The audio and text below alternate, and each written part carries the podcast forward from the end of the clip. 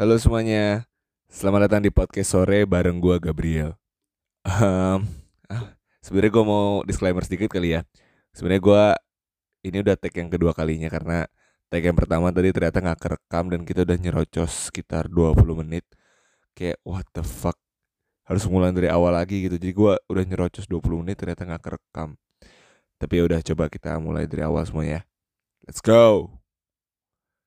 Um, ya, eh, episode ini gue akan ngebahas soal general sih sebenarnya kayak kehidupan soal perkuliahan mulai dari pencitraan, permasalahan-permasalahan di kuliah, struggle kita sebagai mahasiswa atau mahasiswi gitu. Karena kan ya gue sebagai mahasiswa di salah satu universitas eh, di Jakarta, ya gue ngerasa apa namanya ya pasti gue ngalamin beberapa kali struggle gitu kan ngalamin permasalahan-permasalahan atau ngalamin happy senang gitu uh, momen-momen seneng bareng teman-teman atau bareng pacar gitu. Nah di sini episode ini gue mau sharing-sharing sama temen gue juga sih pengen tahu insight dari temen gue gimana apakah dia mengalami hal yang sama atau dia uh, punya cerita yang lain dibandingin gue gitu. Nah sebelumnya gue mau kenalin dulu nih temen gue. Uh, dia nggak mau disebut namanya karena dia pengennya anonimus aja. Karena takutnya nanti uh, di episode ini dia akan ngebahasnya lebih agak frontal ya bun. Tapi tapi ya coba lah ya, maksudnya ya gue menghargai privasi dia mungkin dia tidak mau disebutkan namanya.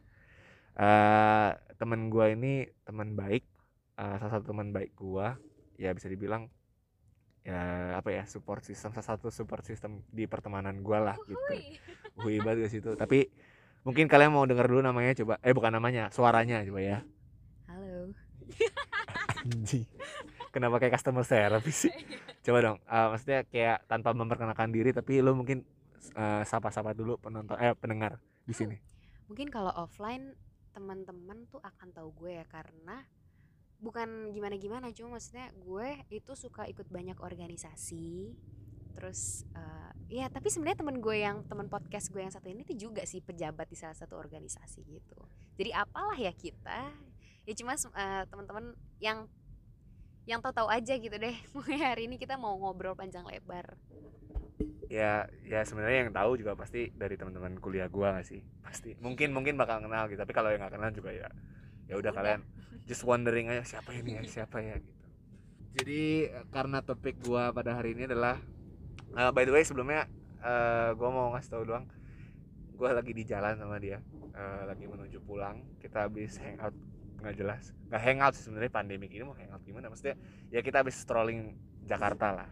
Kita habis uh, menghilangkan stres dalam pikiran sebelum kita masuk ke semester yang baru. Kebetulan gue sama dia masuk semester 6 dan baru kuliah di minggu ini gitu. Jadi uh, apa namanya ini minggu pertama di bulan Maret ya bedanya kalau kalian nanti dengarnya di bulan apa? Di minggu pertama Maret 2021 gitu. Nah sebelum kita kuliah berhektik-hektik ria gue pengen refreshing sebentar lah gitu. Ya nggak jauh-jauh sih cuma strolling strolling down di mobil gitu. Nah oke okay, balik lagi ke topik tadi. Gue mau ngebahas soal kehidupan mahasiswa mahasiswa gitu. Nah mulai dari percintaan atau struggle-struggle yang tadi gue sampaikan tadi. Nah lu mau bahas dari mana dulu nih kalau lu? Of course dari struggle-nya dulu. Percintaan itu nomor terakhir nih. Oke oke. Oke. okay uh, eh, gue mau ngebahas dari apa ya? Oh kita kan udah masuk semester 6 otomatis kita udah ngelewatin semester 1 sampai semester 5 nah gue pengen tahu sih uh, nanti setelah lu menjawab mungkin nanti gue juga sharing dengan uh, apa yang gue alamin gitu. Siapa tahu mungkin kita ketemu kesamaan gitu. Uh, kira-kira apa sih struggle yang lu lewatin gitu selama semester 1 sampai semester 5 sebenarnya struggle itu nggak terlalu banyak ya. Sorry suara lo gak gedein kali ya. Oke. okay. mohon maaf ya anaknya lemah lembut. Jadi sebenarnya struggle itu nggak terlalu banyak kalau uh, lo melakukan apa yang seharusnya dilakukan gitu. Jadi misalnya kalau ya tadi kan kita ngomongin misalnya internal deh kayak kalau lo menunda-nunda tugas jadi satu bisa jadi dua bisa jadi tiga akhirnya lo harus begadang kerjain itu semua tugas-tugas. Dan kalau kuliah tuh tugas lo beda sama anak SMA SMA mungkin tugas lo cuma suruh nyari ini apa jawabannya ini apa jawabannya? Kuliah lo nggak cuma suruh cari jawabannya tapi lo juga harus analisis itu gitu loh. Ya gak sih? Ya. Uh, bener sih kayak kalau bilang bedanya di situ. Perbedaan yang paling signifikan menurut gua antara SMA dengan kuliah sih di situ kayak gue dulu zaman SMA gue nggak ngerjain tugas aja gue dicariin nama guru gitu loh. Untuk wah ada polisi. Sorry guys di belakang gue ada polisi. Eh ya balik lagi ke tadi. Eh itu sih bener. Kayak teman gue bilang ini eh paling signifikan di situ ketika kita zaman SMA tuh mungkin kita tugas nggak ngerjain masih dicariin gitu sama dosen ya. Eh sama dosen sama guru. Guru. Tapi kalau sekarang kita kuliah kayak bener-bener nggak dicariin gitu loh ya udah lu mau ngumpulin ngumpulin enggak enggak itu nilai-nilai lu gitu. Ya nggak sih? Iya, iya banget. Terus juga kalau misalnya udah kuliah tuh ini sih yang perlu lo hati-hati adalah absen dan yang lain-lain. Dan mungkin ini teman kita yang satu ini tuh pernah jadi korban juga ya, ya nggak sih? Karena absennya. iya ya sebenarnya sih gua gua masuk. Jadi gini gua nggak mau nyebut siapa dosennya ya. Iya, tapi gue pernah. Kejadiannya. jadi sebenarnya tuh dosennya itu seharusnya bukan dosen itu. Jadi misalnya nih si A. Si A ngajar di kelas gua. Seharusnya si A yang ngajar di kelas gua gitu tapi yang ngajar ternyata si B. Nah si A ini jarang masuk gitu. Nah otomatis ketika nggak masuk kan ya gue kayak buang-buang waktu gitu loh. Kayak cuma ngerjain tugas mending gue ngerjain di kosan gitu loh. Nah, ketika gua nggak masuk dosen pengganti B-nya itu selalu masuk. Dan ketika gue masuk dosen B-nya atau dosen A-nya nggak pernah masuk gitu. Jadi kayak nggak pernah ketemu jadi akhirnya gue pernah punya pengalaman kayak gue pau gitu satu mata kuliah karena absennya jebol gitu. Cuma ya eh baik lagi kayak tadi sih bener sih kayak benar-benar harus struggle nggak sih di zaman kuliah sekarang? Apalagi kan kita lulus kuliah terus kayak bener-bener eh, apa ya bisa dibilang kita makan saling makan nggak sih? Hmm, ya. ya kalau lu gimana? Maksudnya saling makan tuh soal pekerjaan gitu ya nggak sih Iya. Iya nggak cuma soal pekerjaan, kayaknya semua deh pertemanan juga, ini juga. Dan kalau misalnya kuliah, you have to pay attention in every details gitu menurut gue karena kayak lo apa ya, lo skip satu, lo rugi gitu loh. Ya nggak sih? Menurut lo gimana? Iya kalau gua gitu juga sih bener-bener harus apa ya yang paling penting sih kalau di perkuliahan gini kayak harus mencari teman yang sevisi nggak sih karena nah ini berkaitan dengan pertemanan juga. Kalau gua pribadi sih eh, apa ya gue tuh mempercayai konsep pertemanan itu kayak segitiga. Jadi kayak dari awal kita temennya mungkin banyak gitu kan tapi ntar lama-lama at the end kita akan ya udah teman kita cuma itu itu aja gitu. Akan mengerucut gitu. Jadi benar-benar teman-teman yang sevisi teman-teman yang semisi gitu kayak sepemikiran terus kemudian tujuannya punya sama gitu. Dan gue udah ngerasain itu fase-fase itu udah gue rasain di kuliah ini sih. Kalau lu gimana? Iya nggak cuma mengerucut dan berpotensi juga lo pindah circle gitu kan. Iya. karena ada beberapa orang yang lo tadinya deket. Cuma sekarang gini orang yang kita deket belum tentu dia enak buat belum tentu dia satu visi dan enak buat diajak kerja. Jadi lo harus bener-bener pilih mana yang buat temen main lo mana yang buat temen fun lo dan mana yang untuk bikin lo maju gitu loh. Karena kalau lo cuma cari yang satu frekuensi tapi nggak bisa bikin lo maju ya buat apa gitu nggak sih? Nggak bisa naif coy. Iya bener sih. Gua gua juga setuju akan hal itu. Kayak eh, ya kayak banyak tadi konsep makan makan memakan gitu loh. Saling memakan satu sama lain. Kalau kita telat aja ngambil opportunity ya kita bakal kalah gitu sama teman-teman kita yang lain. Makanya tadi gue setuju banget sama lu ketika memang di masa perkuliahan kayak kita alamin sekarang itu harus benar-benar memperhatikan teman-teman kita sih. Karena kalau udah kita di lingkungan yang toksik menurut gue ya ke depannya kita juga akan toksik gitu. Tapi kalau misalnya kita sama-sama support punya visi misi yang sama mau maju-maju bareng menurut gue malah bisa membawa kita ke apa ya tujuan yang baik gitu. Kalau gue sih gitu ya. Kalau lu gimana? Iya, terus eh, ini sharing sedikit ya. Misalnya lo tergabung di salah satu organisasi, itu tuh jangan sampai mengganggu gitu loh. Karena menurut gue penting banget untuk lo di perkuliahan ini belajar untuk ngatur waktu ya untuk ke depannya. Karena kayak semuanya itu menuntut prioritas lo gitu loh. Apalagi kan, eh tapi gini deh, sekarang gue mau tanya teman kita yang apa teman podcast kita hari ini si yang punya podcast sih sebenarnya dia kan pejabat juga nih dari salah satu organisasi. Nah, otomatis ngatur waktunya tuh akan susah. Even sebelum dia jadi pejabat, dia tuh udah jadi orang sibuk karena eh, dia ikut kayak beberapa apa lomba ya, lomba dan iya kompetisi kayak gitu. Cuma kayak bisa kali kak ini kita sh- eh, di share tips-tipsnya kayak gimana sih lo ngatur waktu dan sebagainya dan prioritas lo.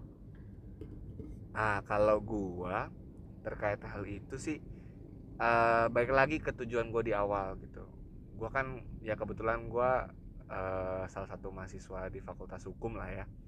Gitu dan tujuan gue kan memang gue akan ke depannya bekerja di bidang hukum bergerak di bidang hukum gitu dan otomatis gue juga harus mencari kegiatan-kegiatan yang sekiranya bisa menunjang gitu. Kayak ya kebetulan gue uh, tergabung dalam salah satu UKM gitu dan puji Tuhannya dipercaya sama teman-teman untuk uh, menjadi ketuanya selama satu periode gitu dan menurut gue di tempat gue yang sekarang itu uh, ini sih apa namanya bisa mensupport gue untuk masa depan gue gitu loh. Karena dari tempat organisasi ini tuh gue jadi punya banyak relasi di dunia hukum gitu.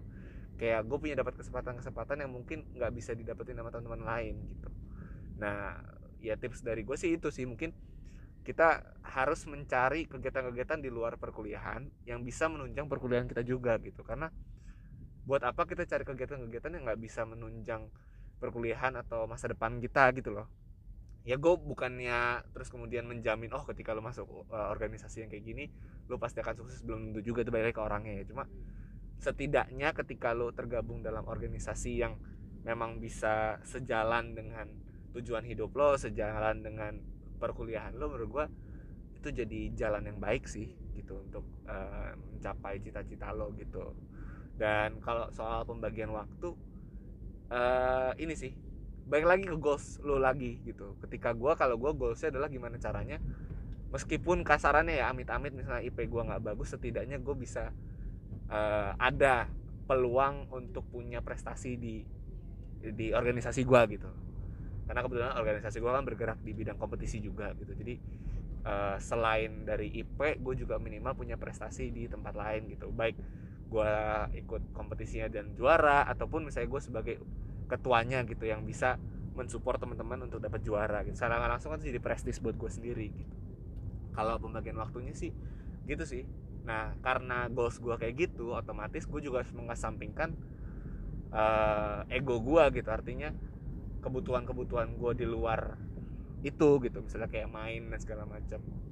Kalau gue sih gitu. Kalau lo gimana? Lo kan juga bukan ya di UKM yang salah satu UKM tersibuk di fakultas kita ya sebenarnya kalau menurut gue sebenarnya gue setuju uh, sama lo tadi yang kayak gue bukannya nggak support orang-orang dengan IP bagus cuma maksud gue kalau lo at least lo nggak dapet IP yang bagus lo harus cari prestasi di bidang yang lain gitu loh. Jadi lo punya apa ya bukan backup sih jatuhnya dan relasi juga dan kayak buat menurut gue ya yang gue lihat ini pendapat gue buat apa lo IP-nya bagus kalau lo jago kandang jadinya gak sih jadi kayak iya. Nggak punya pengalaman. Iya nggak punya pengalaman. Jadinya tuh jadi kayak cengok gitu loh. Jadi apa yang kita pelajarin tuh cuma jadi teori nggak bisa kita terapkan. Cuma ya nggak cuma dari organisasi doang sih. Maksudnya kayak lo mungkin bisa ikut lembaga dan lain-lain. Cuma ya iya magang.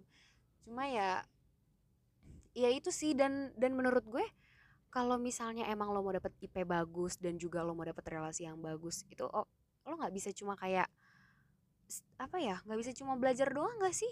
Maksudnya lo harus join di sini dan di situ dan dan lo juga harus mengesampingkan ego lo benar-benar. Dan waktu bermain lo itu akan berkurang banget karena lo harus uh, totalitas di sini total, uh, apa harus kasih waktu di sini kasih waktu di situ terus harus ngejar yang itu deh intinya kalau mau lo mau yang bagus ya perjuangannya juga gede. Iya benar banget. Tapi um, apa ya ya gue bukannya gimana gimana gue gue juga menurut gue nih ya di masa pandemi kayak gini uh, bisa jadi salah satu anugerah juga sih buat kita gitu. Maksudnya kita jadi lebih bisa apa ya mengalokasikan waktu itu jadi lebih baik gitu. Meskipun jadi ya hektik sih sebenarnya. Nah ini masuk ke apa masuk ke perkuliahan online gitu ya. Gue mau ngebahas sama lu nih. Uh, kita kan udah lima semester udah kita lewatin. Kita masuk 2018 dan kita sekarang di semester 6 kurang lebih udah hampir 2 tahun lah ya kita ngerasain offline. Gue pengen tahu sih dari perspektif lo menurut lo uh, beda gak sih antara online dan offline gitu? Kalau bicara soal kuliahnya ya uh, lebih enak online kah atau lebih enak offline menurut lo menurut gue jauh lebih enak offline. Jadi offline dan online itu kan dua-duanya punya apa ya? Punya advantage yang berbeda ya.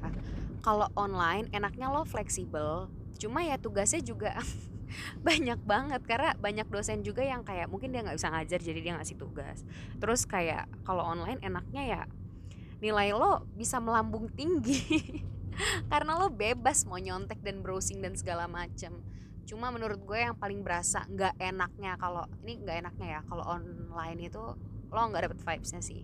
Jadi kayak biasanya lo kalau offline lo bisa diskusi di mana di kantin di mana lo bisa jalan-jalan ke mana sesuka-suka lo lo bisa ya ketemu orang banyak dan lain-lain. Sekarang kalau kayak gini kan kita nggak memungkinkan ya buat offline. Jadi kayak apa ya nggak enak banget sih menurut gue. Mata gue itu juga sakit belajar. Harus ngeliat layar 24 per 7 gitu kalau lo kayak gimana? Apa yang paling berasa? Eh, kalau gue sih jelas beda ya. Gue lebih enak sama sih kayak lu lebih enak offline. Kenapa? Soalnya gue mikirnya gini loh. Kita yang gue alamin ya selama kurang lebih setahun gue mau jalani perkuliahan secara online jatuhnya gue lebih sibuk sih. Kalau mungkin tadi lu bilang lebih fleksibel iya lebih fleksibel. Tapi jatuhnya lebih sibuk. Kenapa karena ketika kita online antara satu pertemuan satu sesi misalnya kita zoom gitu ya satu zoom dengan zoom yang lain tuh kayak nggak ada jeda yang signifikan gitu. Kayak kita nggak bisa leha-leha gitu. Jadi bener-bener karena online mau nggak mau dari pihak kampus juga pasti bikin jadwal yang padat gitu. Dengan memaksimalkan gimana caranya online ini tetap eh, apa namanya tercapai gitu tujuannya supaya mahasiswa tetap bisa belajar gitu. Tapi jatuhnya jadi lebih capek. Kan kalau misalnya kita offline antar mata kuliah ke mata kuliah satunya selanjutnya itu kita masih ada jeda waktu istirahat minimal kita 5 5 sampai 15 menit lah kita ke kam- eh, ke kantin cuma beli minum atau ngobrol-ngobrol sama teman gitu. Kalau sekarang kan enggak. Kayak bener-bener bener-bener dipadetin dan bener-bener eh apa ya? Ya bener-bener gak ada jeda gitu. Apalagi kalau misalnya kita ikut organisasi gitu. Kayak pengalaman gue pribadi juga eh ini nih di semester 6 ini nantinya pasti gue akan kayak pagi gue kelas sampai sore nanti sore dilanjut lagi organisasi untuk rapat uh, weekly meeting lah misalnya gitu. Jadi kalau gue jatuhnya lebih capek sih kalau gue gitu. Dan uh, lebih challenging gitu. Karena kalau gue ketika kita online gitu vibesnya pasti beda banget gitu ketika sama offline.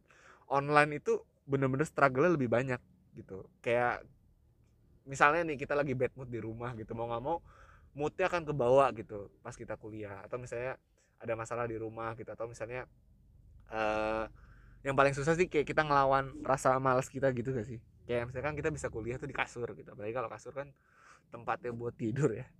Jadi kayak apa ya kalau gue sih ngerasa struggle di situ gitu. Kalau lo gimana? Gue setuju sama dua poin lo tadi yang apa, tadi- apa sih yang pertama mood. Lupa. Iya. yang pertama eh enggak itu yang kedua mood. Pokoknya yang mood itu berpengaruh banget sih karena oh enggak yang pertama tadi tuh yang leha-leha. Iya Iya. fleksibel tapi gue nggak bisa tapi gue nggak bilang kita bisa leha-leha. Apalagi buat anak-anak yang punya uh, organisasi ya. Iya. nggak ada lo waktu untuk leha-leha karena ya itu tadi sih kayak kalau lo mau bagus ya lo harus berjuang banyak gitu kan. Kayak lo harus spare, sediain spare waktu yang banyak. Terus yang kedua untuk mood itu kalau kita offline kita apa ya mood booster kita kan banyak. Bisa jadi ketemu temen-temen kita jadi oh BT-nya hilang apalagi buat orang moody kayak gue.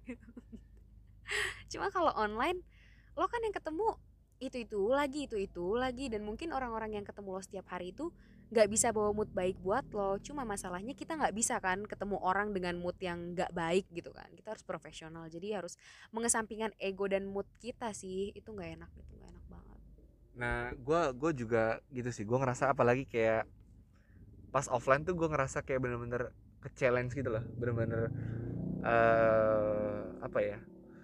Kita bener-bener ngerasain gimana rasanya kita bersaing dengan teman gitu. Kayak contohnya misalnya kalau ketika on offline gitu kan gua bisa apa namanya bisa ngelihat temen gue tuh kayak rajin gitu kan kayak bisa ngelihat temen gue bisa belajarnya dengan struggle gitu jadi secara nggak langsung gue termotivasi gitu untuk belajar lebih lebih giat gitu apalagi ngelihat temen gue uh temen gue rajin banget gitu. Pasti dia mau ngejar nilai bagus mau nggak mau kita termotivasi untuk dapat nilai lebih bagus gitu. Nah vibes itu yang menurut gue nggak bisa kita dapetin ketika kita online. Karena ya kita nggak bisa ketemu langsung gitu. Kita nggak bisa lihat cara belajar teman kita kayak gimana. Kita nggak bisa lihat cara struggle teman kita gimana atau gimana trik-trik belajar ya teman-teman kita gitu. Jadi ya just menggunakan itu aja sih menggunakan cara belajar kita gitu loh gue ngerasanya gitu jadi eh apa ya challengingnya kurang gitu kalau gue gitu tapi ya gitulah mau gimana lagi kalau misalnya kita tetap masuk ke kampus yang ada malah nyari mati gak sih iya Iya. Anyway, eh eh, kita itu kayaknya udah cukup ya. Terus kita bahas love life dong biar seru. Eh, biar seru nih. Kita bahas love life coba. Cie, gimana nih love life? eh menurut lo di kampus lo sekarang ini eh, di lingkungan lo deh sekarang.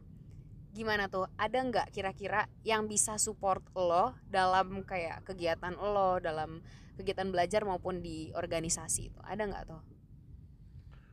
kalau gue pribadi ya eh, sampai saat ini sebenarnya ada gitu kayak misalnya gue tertarik nih sama perempuan gitu dari cara berpikir atau dari penampilan dan segala macam tuh ada nih yang bisa mungkin bisa membantu gue menjadi support system gitu tapi sayangnya dia beda agama bun. Selalu gitu gue nggak tahu kenapa ya. Gue kayak gue dari 2000 Jadi rumput tetangga emang lebih hijau.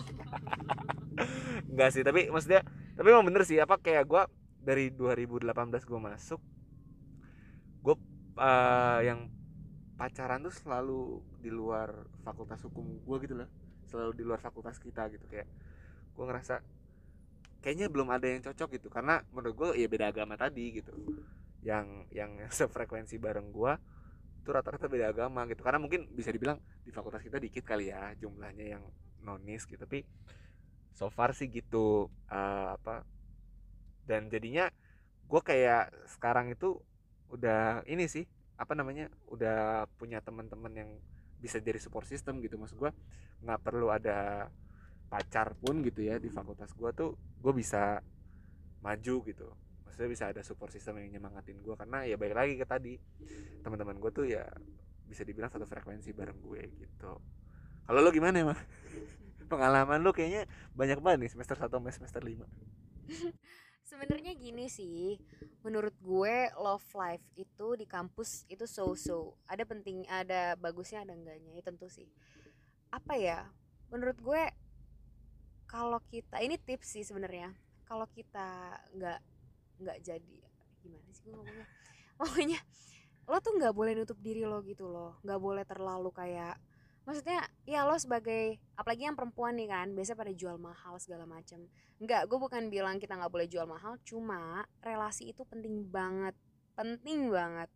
Jangan misalnya lo ilfil sama orang ya jangan lo langsung benci lo maki-maki segala macem. Taruh, taruh. itu lo curhat bukan? Enggak. Enggak maksudnya apalagi untuk teman-teman rakyat yang mudah ilfil ya. Saya mengerti sekali perasaan kalian. Cuma karena coba. teman gue ini gampang ilfil guys. Jadi dia mungkin bisa memahami kalian-kalian yang kaum kaum gampang ilfil. Iya cuma kan eh, sekarang gini deh. Kita bicara realistisnya ya. Manusia itu pasti ada positifnya kan dan mana tahu orang yang kalian ilfil ini bisa jadi berkat gitu loh buat kalian. Jadi tuh jangan lo tuh jangan pada nutup diri deh. Jangan pada kayak ih lo siapa? Lo gini gini lo siapa? Kayak lo nggak boleh terlalu itu apa sih Rip namanya? So, eh apa ya? sombong atau Bukan idealis? ya nggak tahu ya. Enggak kayaknya bukan idealis juga sih. Maksud gue kayak lo coba deh cari ini halusnya begini ya. Lo coba cari sisi positif dari setiap orang kemudian lo ambil itu. Jangan cuma lo pentingin ego lo doang gitu. Eh sebenarnya lo mau berteman sama siapa pun lo mau kayak deket sama siapa pun it's okay. Cuma ya yang penting lo apa untuk yang bener-bener temen yang bikin maju lo saring sih. Cuma untuk kayak eh, berteman yang apa sih pokoknya lo cari relasi sebanyak banyaknya Taruh deh nih kayaknya kayak- kayaknya kayaknya agak keluar dari topik. Gue tadi ngebahas soal love life ya. Gue kan ngelempar pertanyaan ke lo soal love life. Gak mau jawab. Karena gue nggak mau jawab karena sebenarnya oh gini deh gini gue jawabnya gini. Sebenarnya di kampus gue itu menurut gue nggak ada yang bisa dijadiin. Nggak ada yang bisa jadiin pasangan. Kenapa emang emang emang emang kenapa teman-teman di kampus kita emang kenapa karena kampus kita itu pergaulannya bukan pergaulan yang diam-diam ya. Pergaulan bebas. Bebasnya bebas banget ya bun.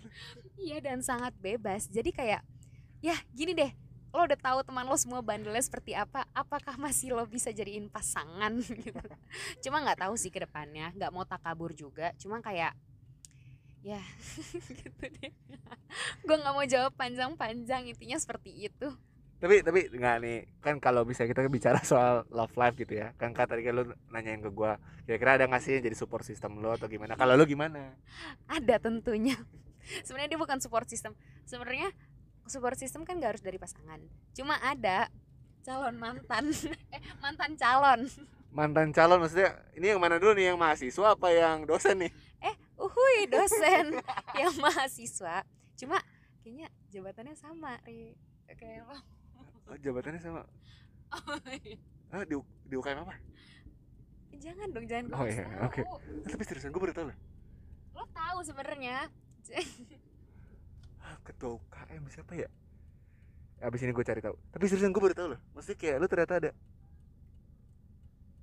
Oh alah ya Allah. Oh ternyata lu pernah menaruh hati di dia nggak menaruh hati sebenarnya cuma kebalik. Cuma eh intinya kayak gini deh.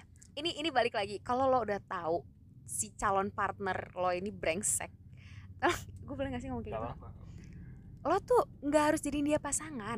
Lo jadiin dia temen atau abang-abangan atau adik-adikan tuh juga boleh. Yang penting lo ambil positifnya aja dan apa ya manfaat. Sebenarnya bukan manfaatin gak sih eh manfaat Enggak, itu jatuhnya jatuhnya friends with benefit sih sebenarnya lu ngambil take benefit aja dari dia gitu. Tapi gua gua baru tahu loh, ternyata lu itu juga pernah naruh hati di dia. Ini gua boleh sebut namanya gak sih?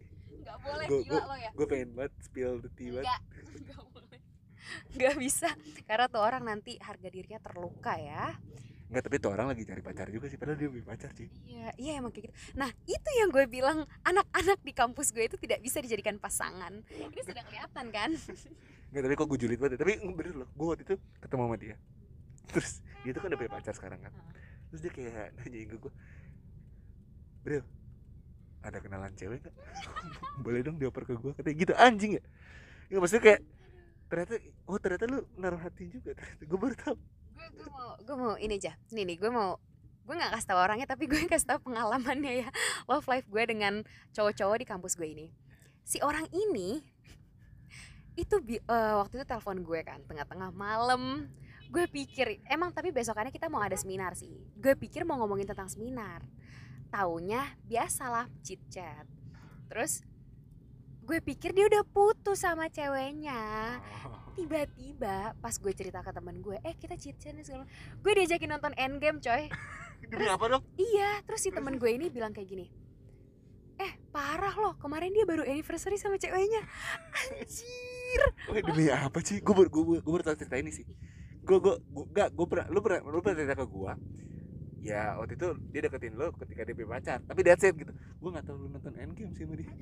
Gue nggak sampai nonton Endgame karena karena gue nggak yakin dia udah udah putus eh ternyata bener ya Tuhan maaf ya sumpah gue nggak berniat jadi pelakor demi Tuhan gue nggak ada niat jadi pelakor tapi emang tuh orang tuh aduh parah deh Tebar pesonanya kacau ya kacau bukan lagi bukan tebar pesona lagi tebar umpan dia Oh gitu. Tapi tapi balik lagi sih tadi. Eh, menurut lu em, apa ya? Eh, orang-orang kayak gitu bisa jadi support system dong berarti jatuhnya. Bisa tentu aja bisa dong. Kayak Tapi ketika lu tahu keanehan dia atau misalnya negatifnya dia gitu bukannya jadi kayak pikiran beban pikiran buat lu ya? harusnya sih jadi beban pikiran tapi gini gue nggak bisa pakai perasaan gue. Kalau gue pakai perasaan gue pasti kita kekat hubungannya. Dan kalau kita kekat hubungannya dia ini masalahnya dia ini punya ilmu dan juga dia punya relasi kan jadi kita nggak boleh pakai ego kita jadi ya ya kita anggap aja angin lalu ya masa-masa pendekatan menye-menye itu sekarang yang lebih penting kan relasi ya menuju kehidupan yang bisa beli tas Storybird gitu Tapi tapi kalau kayak gitu kan berarti lu nggak nggak naruh hati dong di dia. Ya sempet, cuma ya lo harus bisa switch itu, itu juga. Nah. Nah, maksud gua ketika dari dari dari lu punya rasa terus kemudian lu eh apa ya namanya? akhirnya nge-switch oh ya udah nih kayaknya memang cuma friends with benefit gitu ya. Maksudnya dalam arti positif ya friends with benefitnya. Kayak berbagi ilmu, relasi dan segala macem Lu struggle gak ketika switch dari yang lu punya perasaan sampai yang kayak akhirnya oh enggak deh. gue nggak nggak nggak akan menaruh hati di dia deh gitu tentu enggak karena nggak cuma satu oh playgirl saudara-saudara agak sedikit fuck girl ya enggak enggak fuck girl tapi kan ya ya enggak emang pada at that moment gak cuma satu. Jadi gue kayak ya terus gue juga masih punya cinta di hati yang tidak bisa dilepas ya. Jadi cinta di hatinya yang dosen itu kan? Iya. Ini adalah skandal.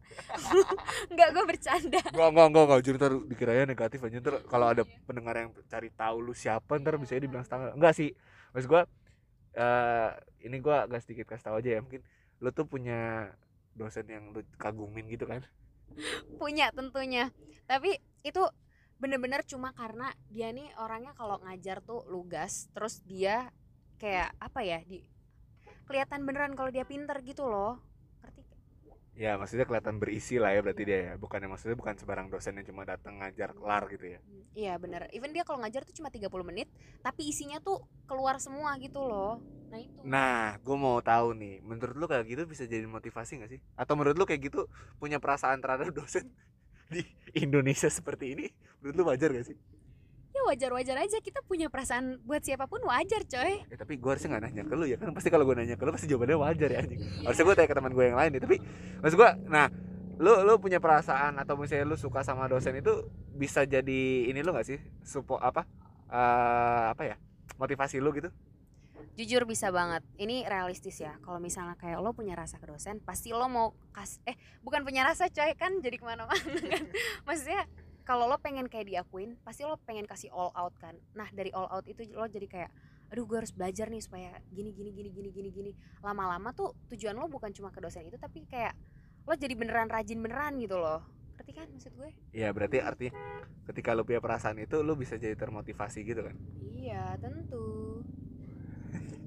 Tapi tapi jujur sih ini ini pengalaman ini gue cerita dikit ya gue baru pertama kali dalam hidup gue gue nggak tahu sih kalau teman-teman yang lain gimana ya kalau pendengar yang lain gimana. Cuma kalau gue baru pertama kali tahu atau ngelihat secara langsung ternyata teman gue tuh dia suka sama dosen. Gue kira cuma kayak di fairy tale atau cuma di sinetron sinetron doang anjir. Ternyata beneran real life. Tapi emang ada kayak ada yang suka sama orang yang cerdas maksudnya suka karena orang itu cerdas ada yang suka karena cakep ada yang suka karena apa. Gue personally suka kalau orang itu cerdas dan dia punya isi. Ini nggak nggak apa nggak naif atau klise ya tapi ini emang karena kalau dia cerdas dan wawasannya luas otomatis dia bisa ngeraih yang lain-lain gitu menurut gue. Ya bener sih. Gue gue juga setuju sih. Maksudnya untuk teman-teman sekalian cewek ataupun cowok sebaiknya sama-sama mencari orang yang pinter gak sih? Sa- saling mengisi gitu. Bukan saling mengisi ya lebih ke tepatnya kayak istilahnya minimal teredukasi gitu loh. Karena i- ya istilahnya kasarannya kelihatan lah orang yang orang yang nggak berpendidikan dengan orang yang berpendidikan tuh cara ngomongnya itu berbeda cara pembahasannya pun beda gitu gak sih? Iya dan apalagi kayak em, sebenarnya bukan merendahkan yang nggak berpendidikan. Cuma masalahnya kayak untuk facing problems di zaman yang sekarang ini kalau kita nggak punya pola pikir yang kuat dan luas nggak bisa coy. Pasti tertinggal Nah itu dia. Maksud gua ya bener sih kayak kata lu bilang. Ya harus bener-bener cari pasangan yang bener-bener ini sih wawas gak usah perlu pinter sebenarnya wawasannya luas sih kalau menurut gua gitu. Dan mau belajar. Bener banget. Eh apa namanya kayak ibarat kata lu nggak perlu pinter dari sisi nilai tapi kalau dari wawasan lu luas pergaulan lu, lu- bukan pergaulan luas ya pergaulan bebas tuh jadi. Bukan maksudnya kayak eh apa ya eh, koneksi lu banyak dan segala macam menurut gua tuh jadi poin plus gitu ya iya banget bener banget. Eh, tapi dari love life gitu lu pernah mengalami struggle gak sih yang sampai mengganggu perkuliahan lu? Enggak terus terang enggak karena eh gue nggak pernah naruh hati sama orang-orang di seperkampusan gue. Karena ya itu sudah terlihat jeleknya. Tapi tapi enak ya lu maksudnya belum enggak tapi maksudnya di luar fakultas hukum Enggak juga, gue kan di kampus kerjaannya makan, terus main, terus main-main sama temen. Saya seperti sekarang ini. Iya sih tapi kalau apa namanya berarti lu enak ya? Maksudnya lu nggak pernah mengalami struggle love life yang mengganggu perkuliahan lu gitu? Karena jujur gue pernah cuy. Oh iya wajar sih sebenarnya itu tergantung orangnya. Cuma menurut gue kayak, gue nggak akan cari cowok di satu circle itu Karena kalau misalnya, iya kalau gue cari satu circle itu, itu akan mengganggu gue mungkin ya. Mungkin akan sangat mengganggu gue, jadi kayak gue hindari dari awal gitu sih. Ah, iya sih bener. Soalnya gue gue pernah ngalamin kayak itu sih drop gara-gara love life gitu. Jadi ya bu- bukan orang fakultas juga sih bukan satu fakultas tapi pernah lah gue gua eh, berhubungan dengan perempuan gitu. Terus kemudian eh, mempengaruhi kuliah gue dan itu menurut gue sih kayak toxic gitu loh jadinya itu itu yang menurut gue yang salah gitu. Jadi buat teman-teman sekalian kalau misalnya memang eh, pengen pacaran di masa kuliah cari teman atau cari pasangan yang bener-bener saling support ya sih? Bukan yang bikin sakit hati gitu-gitu gak sih? Iya. Iya karena cinta harusnya bikin semangat bukan bikin patah semangat kak. Nah bener banget. Gua soalnya gue dulu pacaran gitu gue tuh pengennya tuh gimana caranya ah, bukan gimana caranya tapi gue pengen cari pacar yang bisa jadi support system ke gua gitu loh. Saling saling support gitu bukan bukan apa bukan malah jatuhnya memberikan beban satu sama lain gitu. Dan gua mengalami hal itu gue mengalami di mana gue pernah terbebani akan dunia percintaan gitu loh. Jadi gue kayak untuk saat ini belum sih. Tapi bukan berarti nggak mau ya karena menurut gua salah juga ketika orang lain bilang kayak ah ntar dulu deh ntar dulu ntar dulu ntar dulu. Nanti takutnya ketika kita kerja malah jadinya kayak enakan kerja dan kita lupa gitu. Ternyata sebenarnya kita juga butuh gitu punya teman atau pasangan hidup gitu ke depannya untuk membentuk keluarga lah gitu. Karena kebutuhan jasmani dan rohani gak sih? Iya iya benar tapi gue juga tapi gue nggak bisa bilang salah sebenarnya untuk orang yang kayak cuek dan nggak mau cari pasangan. Kan bisa one night stand kan aduh itu bahaya sih kalau itu pembahasan. Maksudnya friends with benefit. Iya. Iya. Anjir, Anjir itu itu gelap banget sih sebenarnya. Tapi inilah apa cuma menurut gua iya sih bener juga sih. Ntar. Ya sorry guys tadi keputus karena nyari ATM. Ya tapi eh, tadi kita ngomong apa ya? yang friends with benefit Oh iya, itu tuh nggak boleh sih sebenarnya. Nggak boleh sih sebenarnya karena kebudayaan kita seperti ini ya jadi nggak boleh ya Ya kita bukan di Amerika ya bun. iya sebenarnya iya sih kayak lo ya apa lo kuliah boleh sibuk boleh tapi ya jangan sampai lo sampai nggak ada apa nggak ya namanya nggak ada buat love lo itu. Karena tanpa kita sadari itu sebenarnya kita butuh itu nggak sih? Iya. Ya maksud lu nggak meluangkan waktu atau meluangkan hati lo untuk eh, apa ya menaruh hati atau suka sama orang gitu. Iya nggak sih? jangan terlalu menutup diri gitu sih intinya. Soalnya soalnya gue pernah apa ya eh saudara jauh gue sih. Bukan saudara sorry malah ya agak jauh. Dia saudara sih sebenarnya. Jadi karena dia udah terlalu sibuk dengan dunianya jadinya dia kayak akhir ah ntar lah gampang lah. Ah ntar gampang lah. Ah ntar gampang lah. Gitu. Jadi dia kayak menggampangkan dan akhirnya sampai sekarang belum nikah. Itu jadi kayak struggle nambah struggle lagi gak sih? Nah itu apa namanya menurut gua jangan sampai kita cuek juga gitu. Tapi juga jangan jangan sampai kita punya hubungan yang toksik gitu. Kayaknya gua rasa udah cukup. Soalnya kita udah berapa nih? Oh udah 38 menit cuy. Gokil kita dari kuningan sekarang gua udah di pasar minggu. Ya lumayan lah ya bun ya. Isi waktu kemacetan. Tapi thank you loh lu udah udah mau jadi teman eh, apa ya teman narasumber bukan narasumber dong jadi gue teman sharing juga kan. Ya siapa tahu bisa berguna buat pemi- apa pendengar gak sih?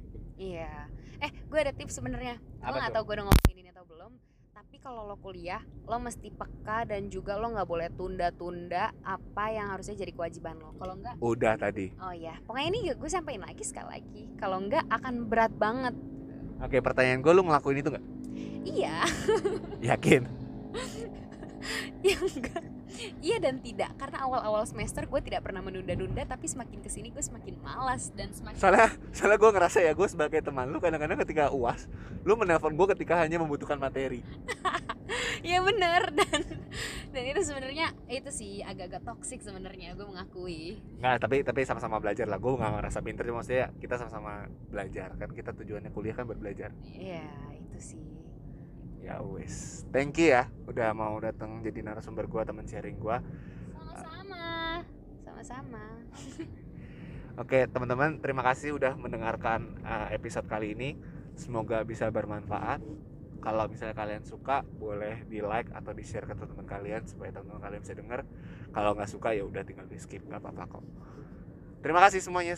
Uh, Selamat pagi, siang, sore. Selamat hari ini. Dadah. Dadah. you